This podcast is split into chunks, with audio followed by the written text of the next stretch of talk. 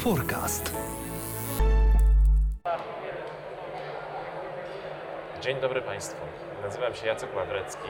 Zapraszam na kolejny odcinek Forecastu. Jesteśmy na terenie Open Eyes Economy Summit, a moim gościem jest twórca kongresu Open Eyes Economy, pan profesor Jerzy Hausner. Dzień dobry. Panie profesorze, rozmawialiśmy, a nagrywaliśmy forecast 3 lata temu i wtedy rozmawialiśmy o ekonomii wartości. I tą ekonomię wartości tłumaczył mi Pan a, przez pryzmat muzyki Chopina. Trzy lata minęły, za nami niemal dwa lata już pandemii, półtora roku. Co się zmieniło?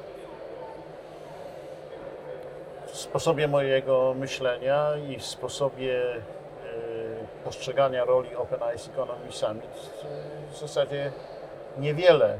Różnica polega na tym, że i zeszłoroczny kongres, i tegoroczny kongres e, są bardziej kongresami, e, które są dostępne w streamingu, dostępne w sieci, niż na żywo. Aczkolwiek cieszy to, że na ten kongres e, fizycznie zdeklarowało udział e, 1300 osób. E, To zresztą jest górna granica, biorąc pod uwagę obecne wymogi sanitarne. E, No ale marzy mi się powrót do sytuacji, kiedy tutaj e, na kongresie były 3000 osób. Natomiast jeśli chodzi o świat zewnętrzny, to on się oczywiście bardzo zmienił, nie tylko pod wpływem pandemii. Ja lubię używać określenia megakryzys, e, pokazujący, że mamy do czynienia ze splotem kilku co najmniej kryzysów.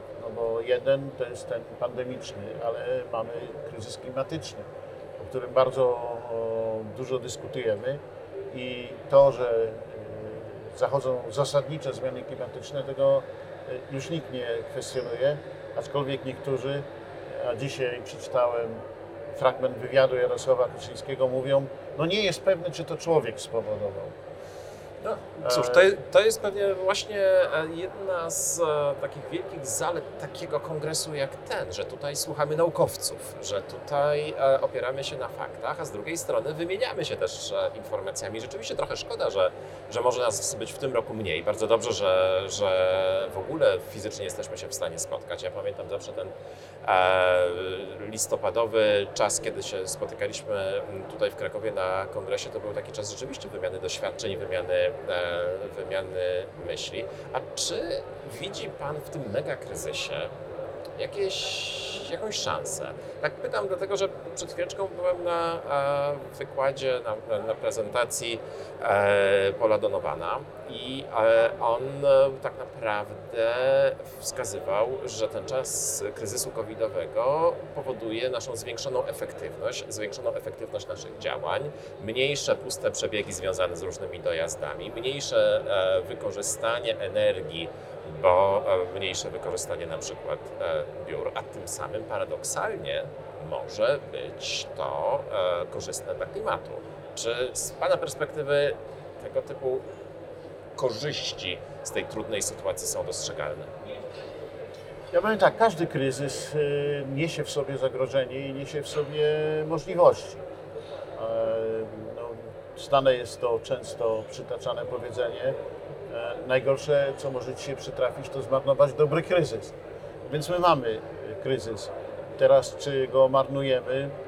Pewnie jedni tak, inni nie. E, Oczywiście to, że przeszliśmy na tryb pracy zdalnej, e, samo w sobie, jeśli potraktujemy to jako zmianę strukturalną, zmianę trwałą i potrafimy dostosować organizację pracy nie do czegoś, co miałoby być przejściowe, a co miałoby być trwałe, to moim zdaniem tak, no mając świadomość zarówno zalet, jak i pewnych ograniczeń tego, tego trybu pracy, więc pewnie w przyszłości znajdziemy równowagę pomiędzy fizycznym e, obecnością i współdziałaniem, a pomiędzy e, oddziaływaniem i obecnością e, w sieci. Organizacje przez to będą miały bardziej płynne granice, ale będą musiały jednak mieć te fizyczne granice także i inaczej ustanawiane. W tym sensie na pewno możemy mówić o obniżce kosztów, oszczędności czasu, E, ale czy rzeczywiście to oznacza mniejszą energię? Wiele osób, e, z którymi rozmawiam, mówi, że praca zdalna e, wywołuje jeszcze większe obciążenie psychiczne, że jest nierównomiernie rozkładana, że są dni, kiedy są bardzo duże przeciążenia. Więc musimy się tego nauczyć, tak? I to musimy być otwarci, e, refleksyjni, żeby po prostu nie postąpić głupio na tej zasadzie, skoro tak być musi, to róbmy tak i bez zastanowienia, jakie to niesie konsekwencje, bo mam w ogóle wrażenie, że problem naszej psychiki, odporności psychicznej, e, zdolności do, do rozładowywania stresu, e, zdolności do radzenia sobie z trudnościami w bardzo dużym stopniu zależy od kontaktów z innymi. Zależy od tego, że robimy coś, co sprawia nam przyjemność i jesteśmy z ludźmi, którzy, którzy tworzą takie przyjazne, przyjemne środowisko. No, no nic nie zastąpi spotkań rodzinnych, nic nie e, zastąpi spotkań przyjaciół, granie wspólnie w piłkę, pójście wspólnie w góry. No, Te rzeczy są nam po prostu absolutnie niezbędne i, i nawet najbardziej efektywna i satysfakcjonująca praca ich, ich, ich moim zdaniem nie może przesłonić. Tak? Ten rok pobytu w domu, tej samoizolacji, to był rokiem, w którym ja bardzo dużo pracowałem i sprawiało mi to sporą satysfakcję, ale z drugiej strony coraz bardziej odczuwałem, że brakuje mi tego, do czego byłem przyzwyczajony, czego nie potrzebuję codziennie, ale potrzebuję od czasu do czasu, a jak tego nie ma, to tym bardziej jest to e, potrzebne. E, Oczywiście, że nie tylko o sprawy gospodarcze powinniśmy się upominać, e, wtedy, gdy mówimy o możliwościach związanych z kryzysem. Raczej zdobywałbym się na taką nieco bardziej poważną refleksję. E, Choćby weźmy pod uwagę te łańcuchy dostaw. Tak? Teraz to, co obserwujemy obecnie, e, mimo że mamy duże ożywienie gospodarcze, ale mamy problem e, z rytmicznością dostaw dla utrzymania produkcji, tak? szczególnie tam, gdzie jest produkcja materialna. No weźmy sobie no, klasyczny przykład przemysłu motoryzacyjnego, no, który kompletnie siadł. Dzisiaj został popyt odbudowany, ale samochodów nie ma. Tak? Rok temu były samochody, nie było tych kupujących, tak? no bo ich ludzie nie potrzebowali. Dzisiaj chcą kupować samochodów, a problem polega na tym, że mamy opóźnienia yy, no mniej więcej liczone w tej chwili skali dwuletniej w dostawach chipów, bo większość tych chipów jest produkowana z różnych powodów w Chinach. Tak? Wydawało się, że tak jest taniej. I wykorzystywana czasem e, z powodu zwiększonego popytu w zupełnie innych celach kopania kryptowalut albo, albo jakichś innych. No, to Eee. jest też inna nauczka, no bo ludziom się wydaje, że jak uciekniemy z naszymi problemami klimatycznymi w sieć, e, w to, co jest e, cyfrowe, to znaczy, że rozwiążemy problem, no bo nie będziemy zużywali tyle energii elektrycznej.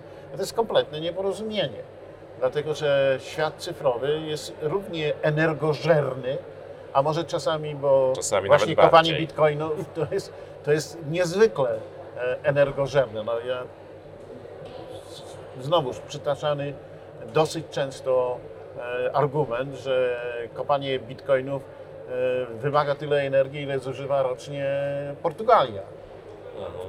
Mały relatywnie kraj, no ale takiej powiedzmy średniej Tak, wielkości. to no, daje jest- jaką, jakąś perspektywę, jakieś porównanie. A czy w takim razie powrót do lokalności jest rozwiązaniem? No właśnie, o, do tego zmierzałem, także dziękuję za tę podpowiedź. Otóż ja uważam, że mm, nie chodzi o lokalność, która byłaby autarkią. Znaczy, pomysł na to, że możemy się uodpornić przez budowanie granic, jakkolwiek rozumianych, tak? przez zamykanie się, mówiąc wprost, jest pomysłem niedobrym. Ale czymś innym jest autarkiczność, wyłączenie, zamknięcie się, oderwanie od innych, a czymś innym postawienie na wykorzystanie własnych zasobów. I dodałbym dwie rzeczy. Chodzi o lokalność i naturalizowanie gospodarowania. Tak? Teraz jak jedno i drugie rozumieć? Nie chodzi o to, żeby nie prowadzić działalności większej niż lokalna skala. Tylko pytanie, na czym osadzamy działalność czegokolwiek. Tak? Powiedzmy, OS dzisiaj, w tym tegoroczny OS ma swój produkt, e, którego szczególnie tu pokazujemy, którym jest miód. My co roku wybieramy jakiś produkt, to było jaj, to było jabłko, to była kawa. E, W tym roku jest to miód. Otóż to jest produkt, który może mieć bardzo wiele różnych odmian miodu. I, I on może być używany do bardzo wielu różnych celów, także medycznych, Mhm. nie tylko żywieniowych. Teraz wszystko powinno opierać się na pewnej właśnie połączeniu lokalności z naturalizacją. Czyli chodzi o to, żeby właśnie nie zmniejszać, nie produkować tego miodu całkowicie przemysłowego, wystandaryzowanego, według jednych wzorów i tak dalej, dlatego że więcej sprzedamy.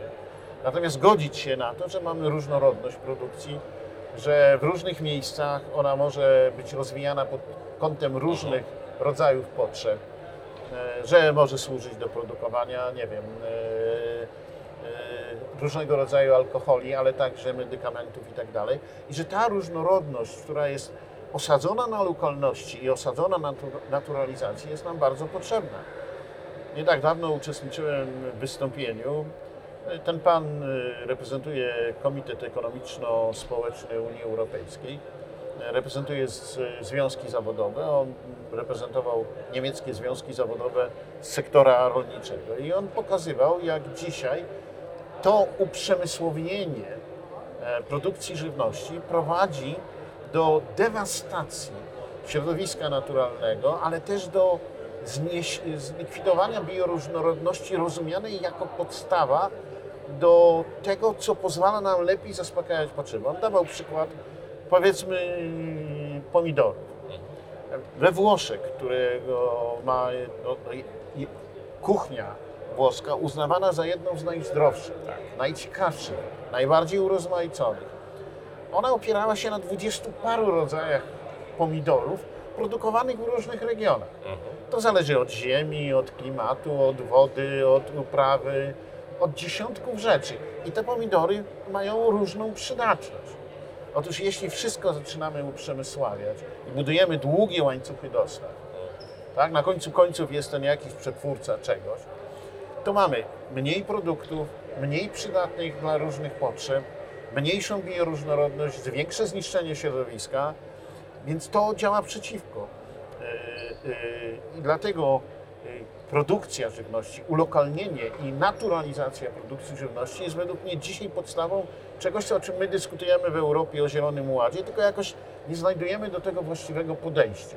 Właśnie, y, wspomniał Pan o Zielonym Ładzie, mówimy o lokalności, to właściwie jedno pytanie bardzo związane z Fortum, bo Fortum zawsze w, na Open Ice Economy Summit uczestniczy w debatach e, związanych z gospodarką obiegu e, zamkniętego. Od samego początku. Czy przez te kilka lat ma Pan wrażenie, że my jesteśmy bliżej realizacji gospodarki obiegu zamkniętego, czy my tylko o niej rozmawiamy cały czas? Znaczy na pewno nieustannie o tym rozmawiamy. E, Samo hasło gospodarki e, obiegu zamkniętego stało się, się modne. Przeznaczono sporo pieniędzy na badania, a także na rozwiązania w tej dziedzinie.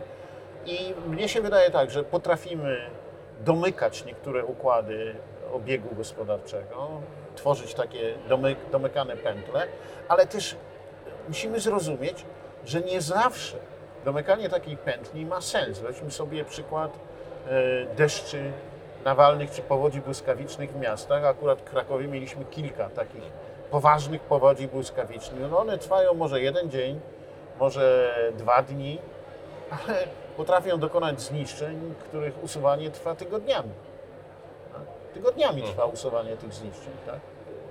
Otóż z, cze- z czego się biorą te, te, te deszcze, te powodzie błyskawiczne? No oczywiście z deszczy nawalnych, które są konsekwencją zmiany klimatu. Tylko pytanie, czy tak jak my zrobiliśmy obieg zamknięty wody w mieście, czyli z chmury do rury, czy pogłębiamy problem, czy rozwiązujemy problem? Otóż nie.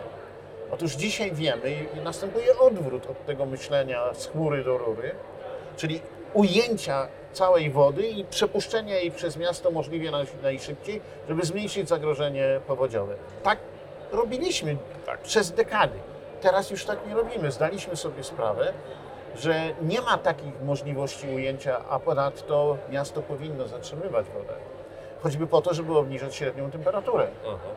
Tak? No bo jeśli temperatura rośnie w wyniku zmian klimatu i mamy gdzieś w miastach jest temperatura o 2 stopni wyższa od przeciętnej liczonej w długim okresie czasu, no to są bardzo niekorzystne zmiany zdrowotne.